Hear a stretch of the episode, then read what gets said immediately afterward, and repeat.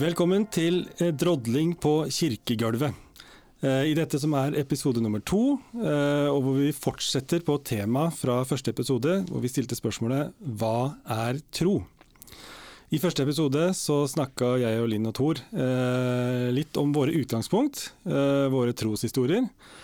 Og ting vi syns er utfordrende i forhold til å beskrive begrepet tro. I, I, denne episoden her så har vi lyst til uh, å se om vi kan rydde opp i begrepet. Og vi har hanka inn hjelp uh, fra Atle Søvik, som er professor på uh, Det teologiske menighetsfakultet. MF. MF. Som vi har bytta navn til. Ja, Som er MF, ja. det har jeg, jeg har hørt flere kritisere meg for hvordan jeg omtaler MF i det siste. Det er nytt navn, altså. Eh, og så har vi med oss eh, Gunhild, som er eh, kapellan eh, her i Oslo. Mm.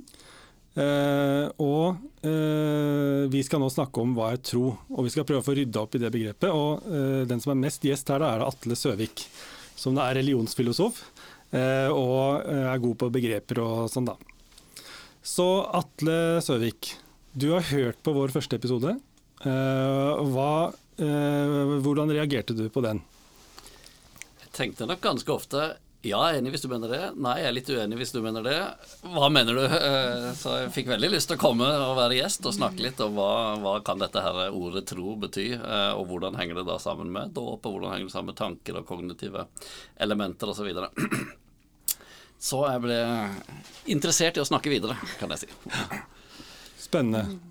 Uh, og uh, vi gjorde jo et, uh, vi gjorde et skille på dåpen og tilhørigheten og den kognitive måten å tenke om tro på. Er det, er, det, et godt skille? Beskriver vi troen godt da? Ofte begynner jeg nesten enda tidligere, fordi det er et slags skille mellom dagligtalebruken av ordet tro og, eh, og, hvordan vi snakker om det i mer kristen kontekst. Fordi det er mange som er vant til å snakke om tro til forskjell fra å vite. At eh, hvis du er veldig sikker på noe overbevist, så, så vet du det, mens hvis du er usikker, så tror du. Og Derfor er det ofte at fordi de er vant til den bruken av ordet tro, så tror de at når man snakker om kristen tro, så er det et eller annet usikkert du tror om Gud, du har en eller annen usikker oppfatning. Ja, det er det vi snakker om.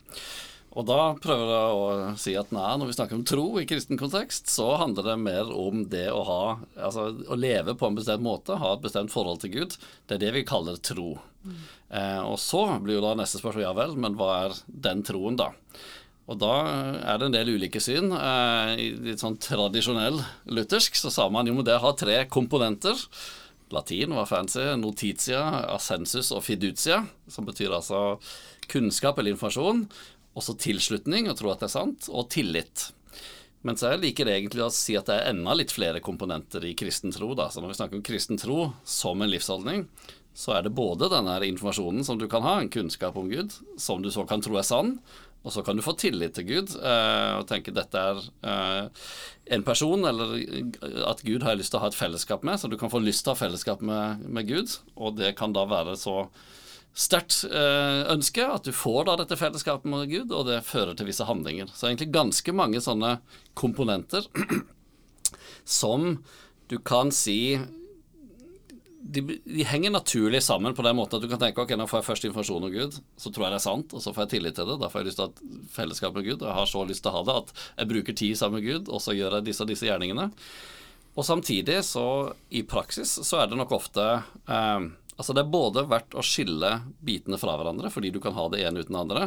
Du kan ha, ha, informasjon, men du tror ikke det er sant, eller du kan tro det er sant, men du får ikke tillit til det Gud, det så mye vondt i verden. Eller du får tillit til Gud og, og har lyst til å ha fellesskap med Gud, men det er andre ting du har mer lyst til å ha fellesskap til. Men du kan også ha Nei, ha, det er andre ting du har mer lyst til å gjøre. men du kan også ha så sterkt eh, ønske da om å ha fellesskap med Gud, at du bruker tid sammen med Gud, og at det fører til visse handlinger. Men, men her er det ulike komponenter da, som kan du kan ha noe til stede, men kanskje ikke andre ting. Og de kan gå litt sånn på kryss og tvers. Noen ganger så svikter det kanskje litt på Du mister litt Jeg tror egentlig dette er sant, men du gjør faktisk disse gjerningene. Du går i kirka kanskje, og så, så går det litt opp og ned med tillit, og opp og ned med kunnskap, og opp og ned med handlinger, og, og på kryss og tvers. Eh, og da er det litt interessant å diskutere og snakke litt om hva er de forskjellige bitene? Hvordan henger de sammen? Hvor viktige er de forskjellige? det syns jeg er kjempeinteressant, for jeg satt liksom med mye av det samme. Hva er det vi snakker om nå, på en måte? Jeg syns det Atle sier nå er veldig nyttig. Uh, veldig viktig dette her med på en måte tro-viten, som et helt annet, eller ordet tro som noe annet, når vi snakker om det i, vår, i den sammenhengen her. da. Og så tenker jeg at alle de aspektene du sier, og også det her jeg erfarer også veldig sånn i praksisen at nettopp dette her går over i hverandre og noe forskjellig og alt mulig sånn der. Og så blir jeg opptatt av, da, som en som underviser konfirmanter og uh, står i dåpssituasjoner hele veien, at det å jeg, har, jeg, ønsker å legge alle de tingene innenfor en ramme uh, der det er teologisk uh, og som prest kan si at når du er døpt, så er du innafor her. Du er en del av menigheten, du er en del av dette fellesskapet. Sånn ser vi det. Og så om du kjenner på tillit, om du vil, om du, om du tenker, om du tror på det eller sånn, og tenker sånn eller sånn, um, eller har tillit eller ikke. Altså alt det der. Uh, hva du tror er sant eller ikke. Finne ut av det, bli kjent med det. Uh, få kunnskap. Uh, kjenn på hva du har lyst til å gjøre. Finne ut av innafor et sted som er trygt. Og det er jeg litt opptatt av, da.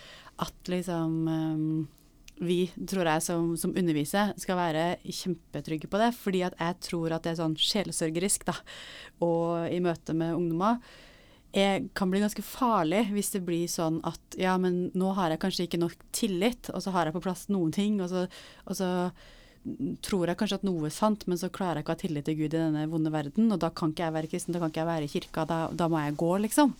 Um, og det er jeg veldig opptatt av, at det skal du slippe vi som kirke, og jeg tror at Gud står der eh, og er der. Og så kan vi velge oss ut av hvis vi ønsker å velge oss ut av, men, men ikke liksom eh, være i tvil om at det egentlig er greit å være innafor, hvis vi mm. ønsker det.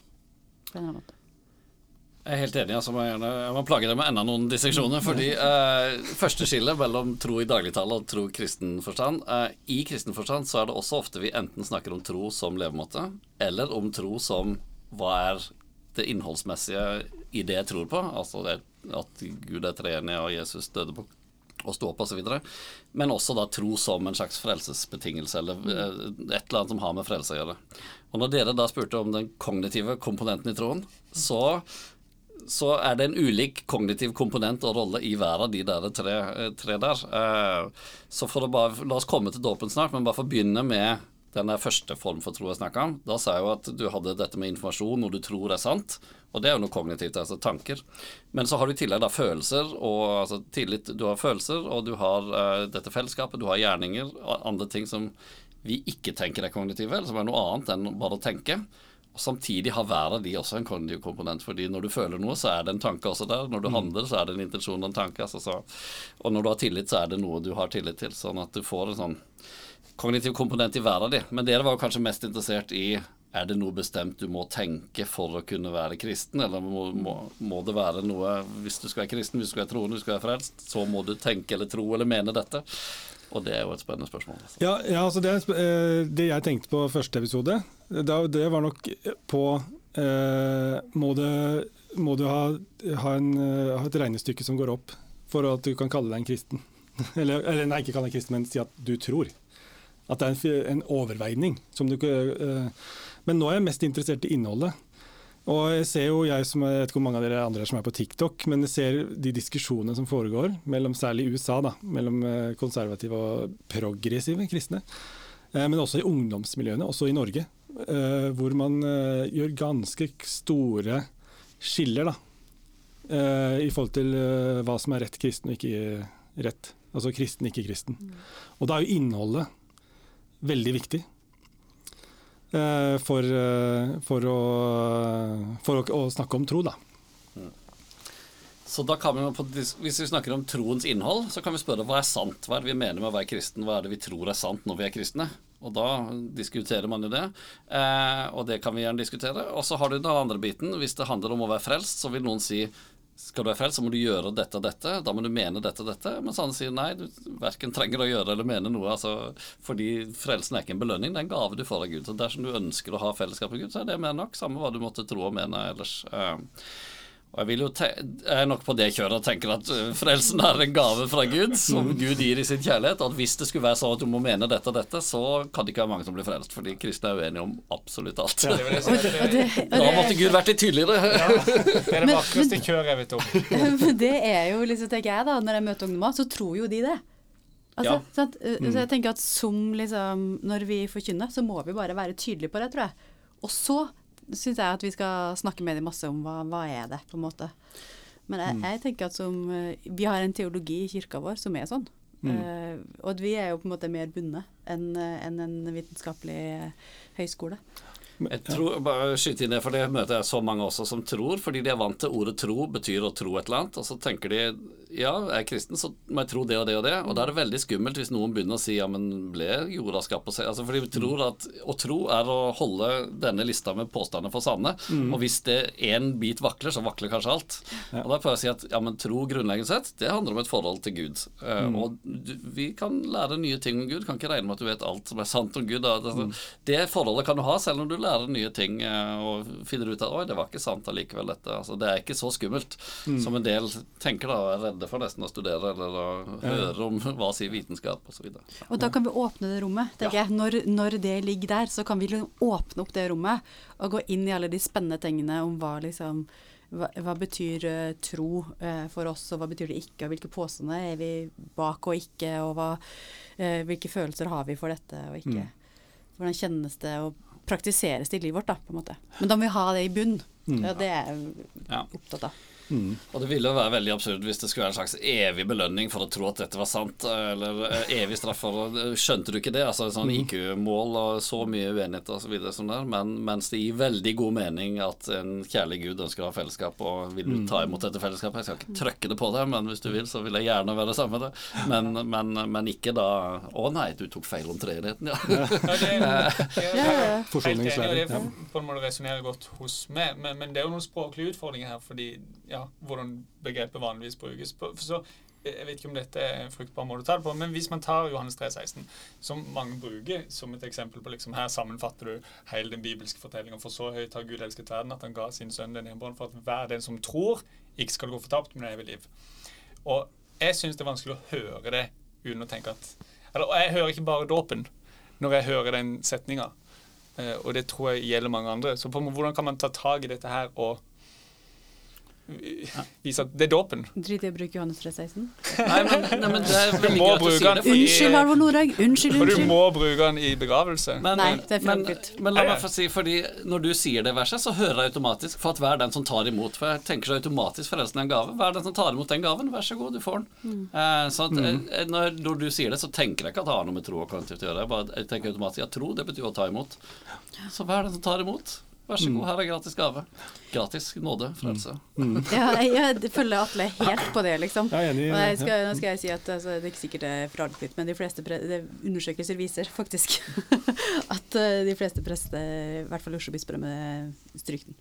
Jeg vet, jeg vet at det, det blir gjort fordi I det, Oslo, det, I Oslo er det i praksis valgfritt. Jeg vet at det blir gjort eh, og fordi man tenker at det klinger ikke så godt, og det er jeg helt enig i. Og jeg leser ikke sånn som at liksom Jeg jeg prøver ikke her å si det og insistere. Ja, men vi må tro disse tingene. Det er ikke det som er poenget mitt. Poenget mitt er jo hvordan vi snakker om det på en meningsfull måte. Og der tenker jeg dette her med å ja, ta imot supernyttig grep på, på akkurat dette her. Men, men jeg, tror, jeg tror jo likevel at selv om vi på en måte sier ja, sånn er det, og sånn tenker vi om det, så vil det likevel ikke sitte i altså Sånn som dere har vært inne på, ikke sant, at alle sammen at når vi snakker om tro ellers, så er det forskjell fra viten på en eller annen måte. Hva er det som tror på ham?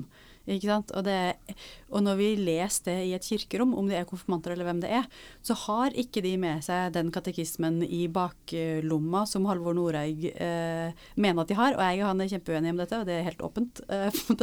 Men eh, jeg tror ikke de har det. Og derfor så tenker jeg at det fungerer ikke på den måten at de tenker at ja, men dette er en gave. Jeg tror at det fungerer på den måten at de tenker at å ja, jeg må tro på Jesus på at han alt og sånn og sånn og sånn, og sånn, og at han faktisk gikk på vannet og gjorde vann til vin og sånn og sånn, og sånn som jeg er ikke sikker på, men egentlig har tror på at det er påstand jeg kan stille meg under. Og dermed så blir det vanskelig. Ikke sant? Og Derfor så tenker jeg at det er lite hensiktsmessig å bare bruke det. Selv om jeg kan si at når du leser, så tenker jeg som Atle at dette er en gave. Hva er det som tror på ham? Yes, OK, ja, men det har jeg fått i gave. Jeg er døpt ferdig. Uh, men eh, Og har til med tillit, tror jeg. Ja, nei, men Da hjelper det kanskje å minne om at ja, men vi har barndopp. Sånn at de tror jo ingenting av fakta, påstander osv. Likevel gir vi det en gave. Um, Vi skal snakke mer om eh, dåpen, men jeg lurer på eh, en litt sånn brannfakkel. For vi snakker, Nå snakker vi om troen som eh, eh, en relasjon. Eh, noe som skjer, noe du lever, og ikke nødvendigvis en sånn eh, kognitiv greie.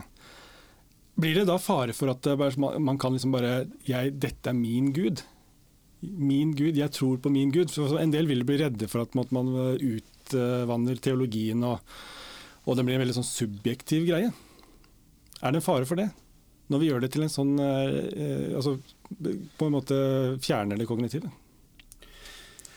Det kommer litt an på hva du legger i den faren. Da. For det er jo veldig interessant å diskutere hva som er sant. Og så er spørsmålet hva er konsekvensen av å ta feil. Eh, For hvis du ser for deg alternativet, at noen skal bestemme den lista med godkjente altså Det er jo fint at vi har den diskusjonen og prater om, og hvis noen mener det ene eller andre um, ja, det, er- det, litt, det kan være fare på så mange nivåer, men i, i utgangspunktet en ganske liten fare. Tror jeg. Ehm, ja, vil du Ja, jeg tenker hvis vi, hvis vi holder fast på at vi faktisk tror at det er relasjon, da, og at det er der frelsen ligger, så tenker jeg at vi har et ganske stort rom til å tenke og tro, uten at det er så veldig, nødvendigvis så veldig farlig. Fordi vi tror og tenker i relasjon til de tingene som står i Bibelen.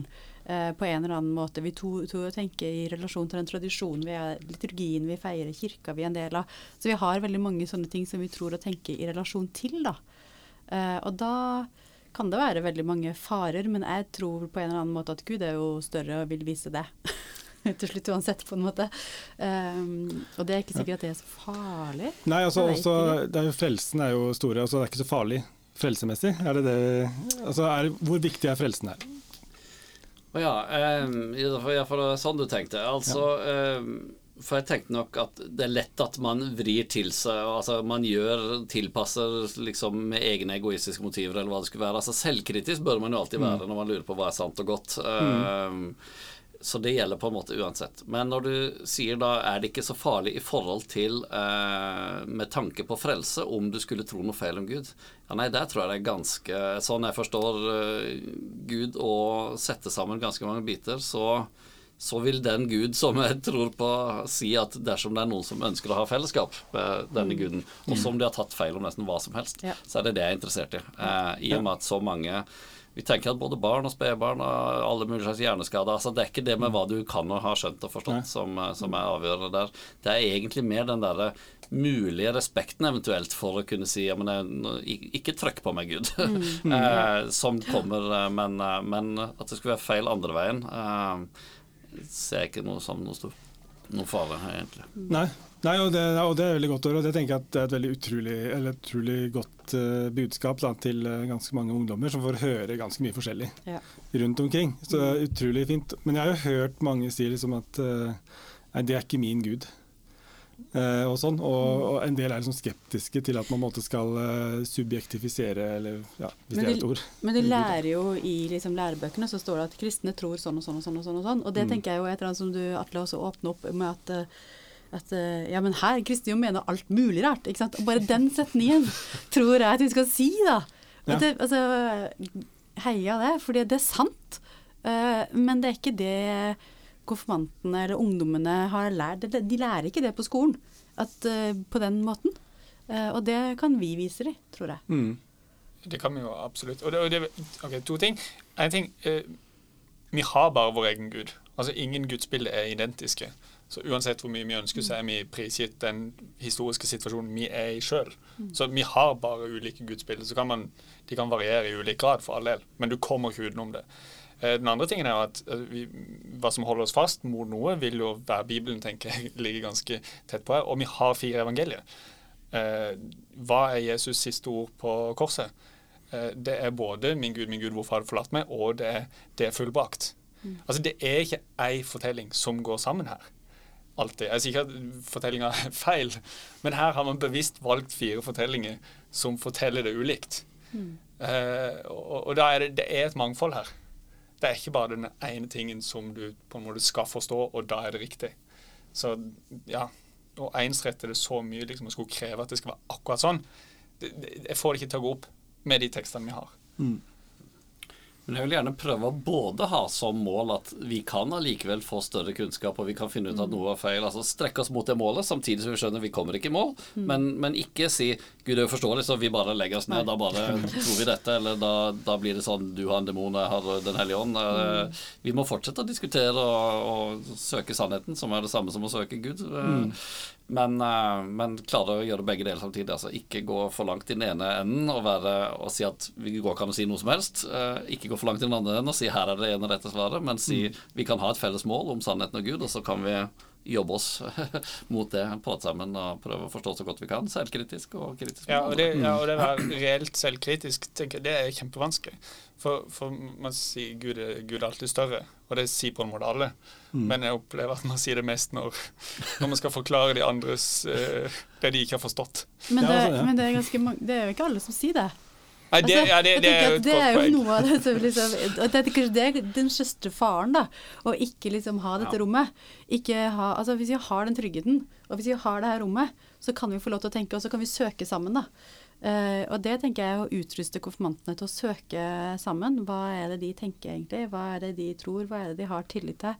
Hvilke praksiser er meningsbærerne for de? Hva er ikke det? Gi det rommet, liksom. Mm. Uh, finne ut av det, søke sammen. Er, er frelsen viktig å snakke om når vi snakker om tro? Ja, igjen er problemet at eh, jeg bare hører tro og frelse som det samme. Men Ja. eh, mener du er også livet etter døden viktig når vi snakker om tro, eller? Ja, er- ja ok, la oss si det, da. Ja, for mange vil jo tenke at frelsen, det er eh, et liv etter døden. Ja. Men så jeg tenker Kanskje ikke alle Nei, ikke sant, fordi jeg, nei, jeg, jeg, jeg, jeg Frelsen er jo nå, er jo fra nå og alltid. Og, Ja, ja, mm. og i evighet, på en måte. Men ikke liksom eh, Det er jo ikke noe jeg, jeg har aldri sett for meg det som et eller annet etter døden, og ikke nå. Nei. Men liv etter, la oss si, vi rydder opp, la oss si at ja, liv etter døden. Ja. ja. Eh, hvis eh, tro eller ikke tro er viktig, er, er, altså, er det viktig å snakke om liv etter døden når vi snakker om tro? Altså i forstand da kanskje fordi jeg tror både meg og Gunhild hører eh, frelse og tro er fellesskap med Gud, og det kan begynne allerede nå og fortsette etter døden. Men det du spør om er kanskje er det sånn at det må være noen, noen komponenter til stede her før døden for at det skal kunne fortsette etter døden? Eller nei, var det det du spurte om? Ja, ja, er, er det interessant å være kristen hvis ikke det har noe med livet etter døden å gjøre? Hvorfor skal vi være kristne? Hvorfor skal vi tro? Nettopp. Bra. Er, Eh, er det, jeg vet ikke om det er et annet spørsmål. Jo, jo, eh, jeg tenker at det er et Jo, jo. slags overordna skille mellom kanskje alle som tror på en hvilken som helst gud, eller ikke, eh, er om du tror at det er en hensikt ved at det finnes et univers med levende vesener, altså liv, at det finnes en slags overordna mening med liv i det hele tatt, og om det blir godt til slutt. altså Kan jeg håpe at mm. nå er det mye som er vondt, disse er døde, men altså, kan jeg håpe at en dag blir det godt? at eh, det er nok to sånne helt sånn avgjørende forskjeller på om du tror det finnes en gud eller ikke. For hvis ikke du tror det finnes en gud, så er det ikke noe hensikt i starten, og da blir det neppe noe liv etter døden. Du kanskje han sånn der Kanskje teknologien kan eh, klare å redde meg. Altså, det, det finnes noen sånne substitutter eventuelt, da, men, men det tror jeg er en sånn avgjørende forskjell. Eh, så det betyr jo ganske mye eksistensielt for folk i forhold til hva de tenker er livet verdt å leve, og kan jeg ha håp, hva kan gi trøst? Altså Det får ganske mange konkrete konsekvenser om du tror det finnes en sånn gud eller ikke. Og da er det ikke sånn at de sier nå bør du tro, for da får du disse bonusene, men, mm. men det er et faktum at det det en del eksistensielle spørsmål når vi spør hva som er sant, får ganske store konsekvenser for livet ditt. Eh, faktisk uavhengig av om du har rett eller feil. Eh, og det, så bare det er jo noe å reflektere over når jeg lever i denne verden rundt meg. Ser at det fins lidelse, ser at det fins mye godt. Eh, tror jeg det fins en mening bak dette? Tror jeg det fins et liv etter altså, Dette er jo spennende og interessante spørsmål som folk bør tenke gjennom fordi det påvirker livet deres så mye. Og det kan være at når vi Det tenkte jeg på i stad, når du sier hvil i trygghet og sånn. Det kan jo være det sitter en del konfirmanter der og tenker greit, dette sier de kristne, men så har du den islamske guden, og du har denne guden, og du har denne religionen. Og, sånn at det å også gå inn i, inn i spørsmål om liksom Har du noen god grunn til å tro at det fins en gud, kanskje? Og hvis du ikke har det, sånn eller slik eh, At det også betyr litt. derfor jeg skjønner jo også om det er unge, forvirra folk som tenker hva skal jeg nå tro i denne skogen av alternativ. Jeg tenker det er noe med det, det som Atle var inne på i stad, med det å søke det som er sant, eller søke Gud, på en måte. Eh, og det å søke det som er sant også om livet mitt, og finne måter å snakke sant om livet på, da, tenker jeg. Og jeg tror jo at liksom Jeg tenker at ja, vi burde tenke noe som er meninga med livet, det burde liksom alle gjøre. Men jeg opplever jo eh, fra sjelesorgsrommet at, at, ofte så er det sånn at livet presser seg på, og det gjør at vi liksom tenker gjennom hva er det som er meninga egentlig. Eh, og konfirmanter som har opplevd å miste eh, venner eller foreldre eller eh, veldig nære f.eks., har, har flere spørsmål om, om livet etter døden eh, f.eks. Eh, og hva er meninga nå, og hva er meninga med smerte hvis de har levd tett på et sykdom, altså, altså, eller hvis vi har sykdom på egen kropp, eller de tingene. Eh, gjør noen ting med hvilke spørsmål vi stiller til det å være og det å leve som menneske, da. Eh, og da tenker jeg at vi må jo gå inn i det eh, det, de temaene med teologien også, og hva, hva, er tro, og hva tror vi, og hvordan tenker vi om livet, hvordan tenker vi om Gud. Mm. Um, både her og nå, og liksom hvordan, hvordan tenker vi, hvordan tenker vi ikke om, om etterdøden også, på en måte. Men at det handler mer om en sånn der uh, Hvordan forstår vi verden? hvordan forstår vi Gud? Hvordan forstår vi oss selv? Hva er dette livet, liksom? Så kanskje det er den gode inngangen å ikke si eh, hva er det du nå bør taktisk gjøre for å sikre deg disse godene, men å si du, hva tror du er sant, og hva tror du er godt? Er det sant at Gud finnes? Er det godt å ha fellesskap med Gud? Eh, og så ta det derfra. Og i så fall, hva tror du om noen av disse svarene som kristendommen har eh, diskutert? Eh, og diskutere gjerne med den andre religionen også. Eh, men prøv å snakke om egentlig hva er et godt liv, og hva er sant om den verden vi lever i. For det er jo ekstremt fascinerende at vi, at vi, eksisterer i det hele tatt, uh, i stedet for at det bare er ingenting. Ja. Og så at det går an å finne fram til flere svar i det. sant? Felles eller flere? Flere. Ja. Mm. At det går an å ja. Ikke, ikke, at det ikke må være felles. Ja. at de kan være flere. Ja, uh, ja, ja for det, vi har snakka mye om at uh, tro da ikke er liksom én ting, men mange ting. Mm. men jeg har lyst til å snakke om dåpen.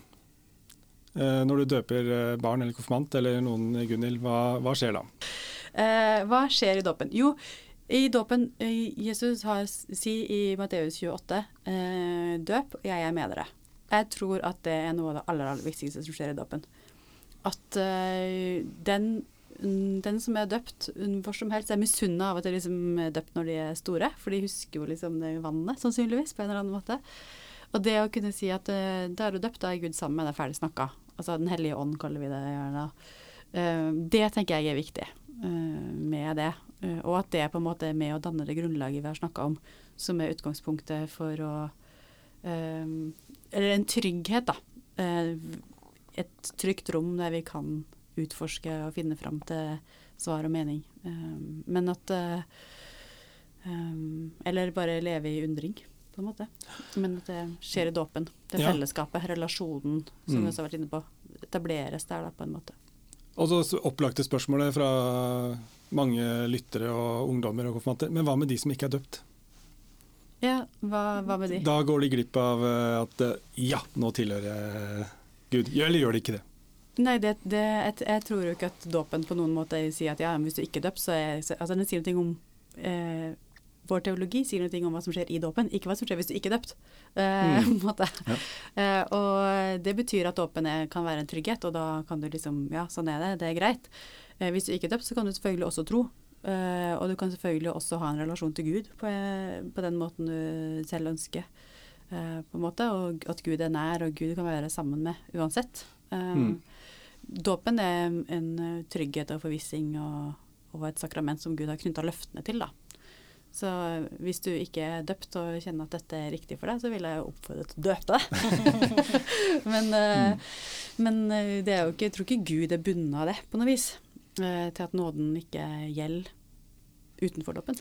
Å nei, nei, og det er, vel, det tror jeg det er relativt stor enighet om også i teologiske kretser. Så vidt jeg har skjønt, at måte, man sier gjerne at, at noen, noen sier det er det ikke jeg som sier det, noen sier at uh, mennesket er avhengig av dåpen, men ikke Gud. Gud er ikke avhengig av at folk er døpt. Jeg, jeg tror ikke Gud, menneskene heller er avhengig av dåpen, men jeg tror at uh, det er godt for oss å huske det, og godt for oss å ha det. For da kan vi hvile i det. Da kan vi liksom lene mm. oss mot det, tror jeg. Men jeg tror, det betyr jo ikke at vi ikke at vi er avhengige av det. Uh, Gud er jo ikke avhengig av det. Det er jo Gud som handler i dåpen. Gud er subjekt i dåpen, og Gud er subjekt i i prosjektet, da, mm. tenker jeg. Gaven vi gis, er det Gud som gir oss, liksom. Jeg rekker opp hånda. altså, for det er jo en del sånn typiske vanskelige spørsmål uh, knytta til dåp. Uh, hvis man har vært så, ja, men Står det ikke at det er nødvendig, eller hva med denne hvordan, Hva tenker du om denne arvesynden? Uh, hva, um, er det noe du må tro eller ikke tro? Uh, er ikke de like mye Guds barn? Og osv. Så, uh, så en måte å rydde opp i det, eller å tenke om det på, som jeg tror rydder opp i det meste av innvendinger, men, men test meg gjerne, er å si at ok vi eh, Jesus kom og sa bygg, altså, ga oss i oppdrag å bygge Guds rike, da, bygge dette kristne fellesskapet. og Det gjør vi, og det gjør vi på mange måter med nattverd. Vi gjør det også ved dåp. Når eh, noen blir døpt, så liksom legges de til dette fellesskapet av kristne, som er et sånn tilgivelsens fellesskap. Eh, og da kan du si som så at hvis noen snakker om arvesynd og den slags, eh, så er det i I hvert fall i den gamle diskusjonen uh, så kan man diskutere. Men fra gammelt av så sa de det er en slags metafysisk påstand om, om, om et menneske. At i seg sjøl så er det ikke i fellesskap med Gud og velger, velger, på en måte bort Gud. Du kan være utenfor fellesskap med Gud, eller du kan være i fellesskap med Gud, hvor du får tilgivelse. Altså Du kommer til å synde, det er ikke det at barna har gjort noe galt, men du kommer til å synde og, og trenger å være i et sånt tilgivelsesfellesskap. Så man kan tenke at nå, ok, nå blir du døpt, du blir med i dette tilgivelsens fellesskap så kan du forlate det seinere, eh, for all del. Eh, og hvis noen barn eh, skulle dø uten å bli døpt, så tror jeg at de blir frelst, for de tror at Gud vil da gi deg den gaven. Det er mer det at du kan få lov til å velge det bort. Men vi, vi driver og bygger det. altså bar, Foreldrene tar med barnet i dette fellesskapet, og når det blir stort nok til å kunne si 'jeg har ikke lyst til å være med dette', så får de eventuelt få lov til å droppe det. Men inntil videre så, så er du med i tilgivelsens fellesskap. Og når du da spør om er dåp nødvendig for frelse, viser til diverse bibelvers om at uh, den som tror og blir døpt, men uh, Eller uh, ingen kommer inn til Guds, Johannes 3,5 uh, uten vann og ånd osv. Så, videre, så tenker jeg at da snakker vi om, om den troen som som dåpen uttrykker. da. Altså Det er ikke dåpsvannet i seg sjøl som frelser, men, men uh, den troen som, som dåpen uttrykker, enten hvis du uh, som voksen blir døpt, eller at foreldrene tar med barna til dåpen. Eh, mulig jeg snakker litt rote, men eh, still et vanskelig spørsmål da. Ja, nei, jeg, føler, jeg føler at det, da går det opp for min del. Jo, men hvis, hvis, jeg skal si noe om det, da, så ja. vil jeg på en måte bruke type relasjonskategorier og si at ja, da, du, det, er et fellesskap og relasjon som du er satt inn i. Og så vil jeg ikke bruke fell, tilgivelsens, et tilgivelsens fellesskap, men et nådens fellesskap, da. Eh, og si at da, da, er du en del Du er omsluttet av nåden, og der er du inni, og der er du en relasjon. Og så lever vi der og liksom eh, roter det til og alt mulig og må reparere og alt sånt der, men vi er innenfor en sånn der eh, relasjonell eh, greie, da. Og, og inn i det så så prøver vi så godt vi kan også å søke sannheten og søke det gode og finne ut av hva er det Hva er mine påstander om Gud, hva er mine påstander om livet, hva er mine eh, Hvor ligger min tillit, hva er mine mm. praksiser? Vi blir kjent med det fordi vi lever som en del av et fellesskap, som en del av en Ja. Og jeg opplever at mange konfirmanter uttrykker nettopp dette her med tilhørighet og fellesskap og relasjon, og jeg tror på Gud, men jeg vet ikke helt hva. Eh, eller jeg, jeg, vil være med i kirka, men jeg, jeg, lurer på Må jeg tro på seks dager og mm. skapelse, liksom? Um, og det rommet tenker jeg vi har da i og med dåpen. Uh, så betyr ikke det at noen At Gud begrenser sin nåde til å bare liksom gjelde dåpen. Og mm. det, det, men det betyr at det er det er der vi har løftene. Og så forholder vi oss til det, og så er Gud, Guds nåde større og alt mulig. Og så kan vi ha den friheten, tror jeg det er veldig viktig, som Atle inne på, å velge bort mm. hvis vi vil. Ja, og dette syns jeg er en veldig fin inngang til altså når jeg eh, Veldig mange av mine konfirmanter har jo ulike intensjoner til å konfirmere seg. Veldig mange har noen bestemødre som truer med å holde igjen på lommeboka, lommeboka hvis de ikke konfirmerer seg kirkelig. Eh, men de aller fleste mine konfirmanter de sier jo at eh, det er en tradisjon. Og jeg hører jo til i kirka. Ja, og da, du, det, det, det, da, er jo det faktisk et godt, et godt, uttrykk for det å tilhøre Gud da, i kirka. Og det ble jo gjort, MF gjorde jo en sånn pilot uh, med konfirmantene mine for en stund siden, som ble en undersøkelse. Men det, men det, viser jo at det de svarer hvorfor, Og var, dette var jo før konfirmasjonstida starta. Så sier hva er liksom grunnen til at du vil, eh, vil konfirmere deg? Fordi jeg er døpt, sier jeg. Og det er den tilhørigheten. Mm. Jeg er døpt. Dette Ja. er liksom min gjeng. Og så er det jo ganske mange av de som ikke er døpt, som blir døpt også. Mm. Men, men de vil være med, da. Men jeg, jeg, for å være litt vanskelig, da, så, så, så ser jeg for meg at ungdommene allikevel vil spørre, liksom Ja, vi snakker om det nådefellesskapet. Eh, og det er veldig lett å tolke det slik at er du døpt, så er du en del av det fellesskapet. Det nådefellesskapet. Det dåpsfellesskapet. Hvis du ikke er døpt, så er det ikke det. Og hvis, ikke, hvis du er, uansett er en del av nådefellesskapet, hva er da vitsen med dåpen? Er det et utrolig teit spørsmål? Jeg, jeg, jeg bare oppfatter, jeg, jeg tror en del ungdommer vil tenke sånn Ja, men eh, hva er da dåpen, da? Hva er vitsen med det? Er- er hvis du det- ikke, er det bare- hvis det ikke er en sånn syn- konsekvens. Nei, ikke sånn konsekvens. Det er mer sånn Er dåpen et symbol på at du er, og alltid har vært, en del av nådefellesskapet? Eller skjer det noe nytt i dåpen? At du kommer inn i et nådefellesskap?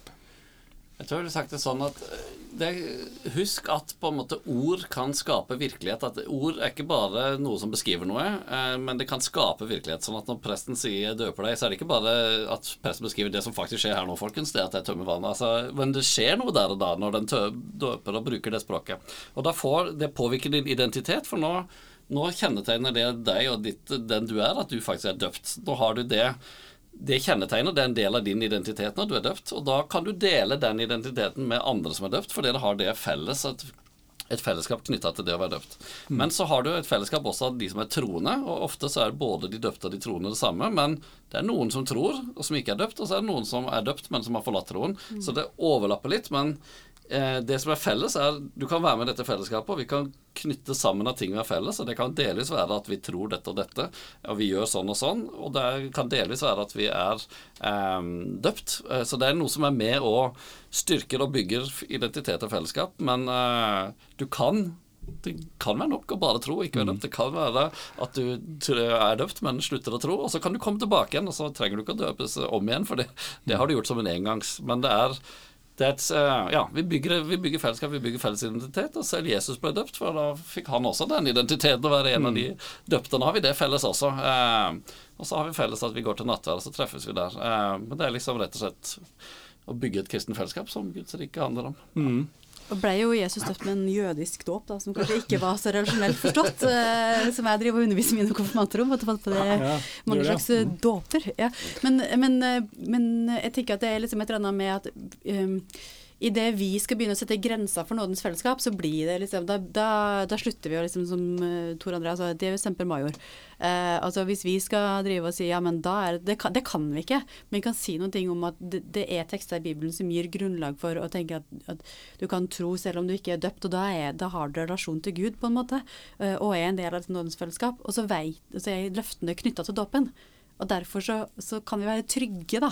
Og for meg handler det med dåpen ikke om å si at ja, men nådens fellesskap er ikke utenfor, eller da er det uansett på en eller annen måte. Men, men det handler om at dåpen er en, en trygghet som ingen kan ta fra deg. Da er du trygg, da er du innafor, da er det greit. Ferdig snakka. Eh, hvis du vil vel si at ja, men jeg forlater troen og vil ikke være en del av dette, ja ja, eh, helt greit. Men, men det er ditt eget valg, da. Men, men du, da er du innafor, og at det er en trygghet. mens mens de her grensene for nådens fellesskap, det, det kan ikke vi drive og liksom sette. Eh, I hvert fall ikke for andre. Nei. Uh, Ja, så du kan si at det er ikke et krav, ikke sant? Røveren på korset ble altså mm. ikke sånn eh, nå, Dessverre, du, vi får ikke dømt det. Mine hender er fast, Jeg får ikke det. Eh, så, så det er ikke et krav, men det er med, det er med å bygge dette identitetsfellesskapet Ja, mm. av kristne. Nå er det ikke sikkert jeg husker ordene dine riktig, men jeg tror du spurte og i stad òg hva, hva er vitsen da? Hva er vitsen da med å tro? Hva, hva er vitsen da med å bli døpt? Og, og det som jeg hører, som er litt fra min bakgrunn òg, er eh, at du måler ting i livet etter døden veldig fort. Veldig mye med troen. Men, men noe av det som jeg hører her i denne samtalen, er at man trenger ikke, og kanskje bør ikke, se det i de kategoriene. Men, men, men vi døper fordi Jesus sa vi skulle gjøre det, og til et fellesskap. At på en måte det i seg sjøl er en kjempeviktig verdi. Vi tror jo, selv om på en måte kanskje tro ikke er nødvendig for et liv etter døden, sånn som noen vil tenke om tro, så har det en kjempestor verdi at det er en relasjon. At du, men hvis du måler alt i eh, liv etter døden eller ikke, så kan du Nei, det er ikke, det er ikke noe vits. Men, men Mm. det fins annen vits, da. Hvis det var mulig Ja. Eh, Det er sikkert det jeg ikke skjønner, fordi at jeg bare aldri liksom har Jeg har bare ikke de kategoriene i hodet om at livet etter døden Ja, jeg, jeg, jeg, jeg tror det var det som skjedde i stad. Fordi, fordi For meg er det veldig naturlig. For jeg tenkte jo som liten at ja, ja, men om jeg, det er ikke så viktig om jeg er kristen bare akkurat rett før jeg dør. Da må jeg være kristen. Og det, det tenkte jeg fordi det var sånn jeg hadde fått det inn. Mm. Og da er det veldig lett å se det nå òg, selv om jeg ikke tenker sånn nå. Ja, at, at det er det som er det noe vits. Og det tror jeg står på spill. Eh, Det tror jeg er veldig avhengig av hvor, hva slags hjem konfirmantene kommer fra. Eh, Men, men for noen så tror jeg det eh, ligger der. Men alle lever vi også i en litt sånn markedskultur hvor det er litt sånn du gjør noe, og så får du en belønning. Så det Ja, å tenke det troen som belønning er litt sånn naturlig. Jeg gjør dette og får tilbake dette. Ja. Mens hvis du heller tenker det er en gave, ok, jeg kan få dette fellesskapet, og det er godt nå. Jeg kan få denne gaven og bli døpt. Jeg kan få det, og det er godt nå. Bare spørre er det godt i seg sjøl, uten at det skal være middel til neste mål. Ja. Mm. Jeg er kanskje clou hele tida. Liksom, ta en sånn test når jeg snakker om tro, frelse eller dåp. Altså, tenker jeg nå i kategori gave i stedet for belønning. Eh, fordi det er kjærlighet og ikke ja, belønning rett og slett lønn. Ja, og det, det tror jeg er veldig riktig. Og sånn tror jeg, men den tror jeg du finner uansett. Hva slags liksom altså Det ligger i, i hele kulturen, på en måte. Mm. Det syns jeg var egentlig en veldig fin eh, Vi må runde av, for nå har vi brukt veldig lang tid på en veldig god samtale. Eh, og eh, jeg som feltarbeider og, og, og med behov for litt faglig input, eh, har syntes det har vært kjempenyttig. Fordi vi har snakka om, eh, altså om tro og fellesskap og den eh, tilhørigheten og dåpen og den tryggheten i nådefellesskapet. Syns jeg var veldig fin, eh, fin inngang. Og ikke minst det vi har snakka om nå til slutt, om om at eh, å tro det handler om å ta imot, og ta det som en gave.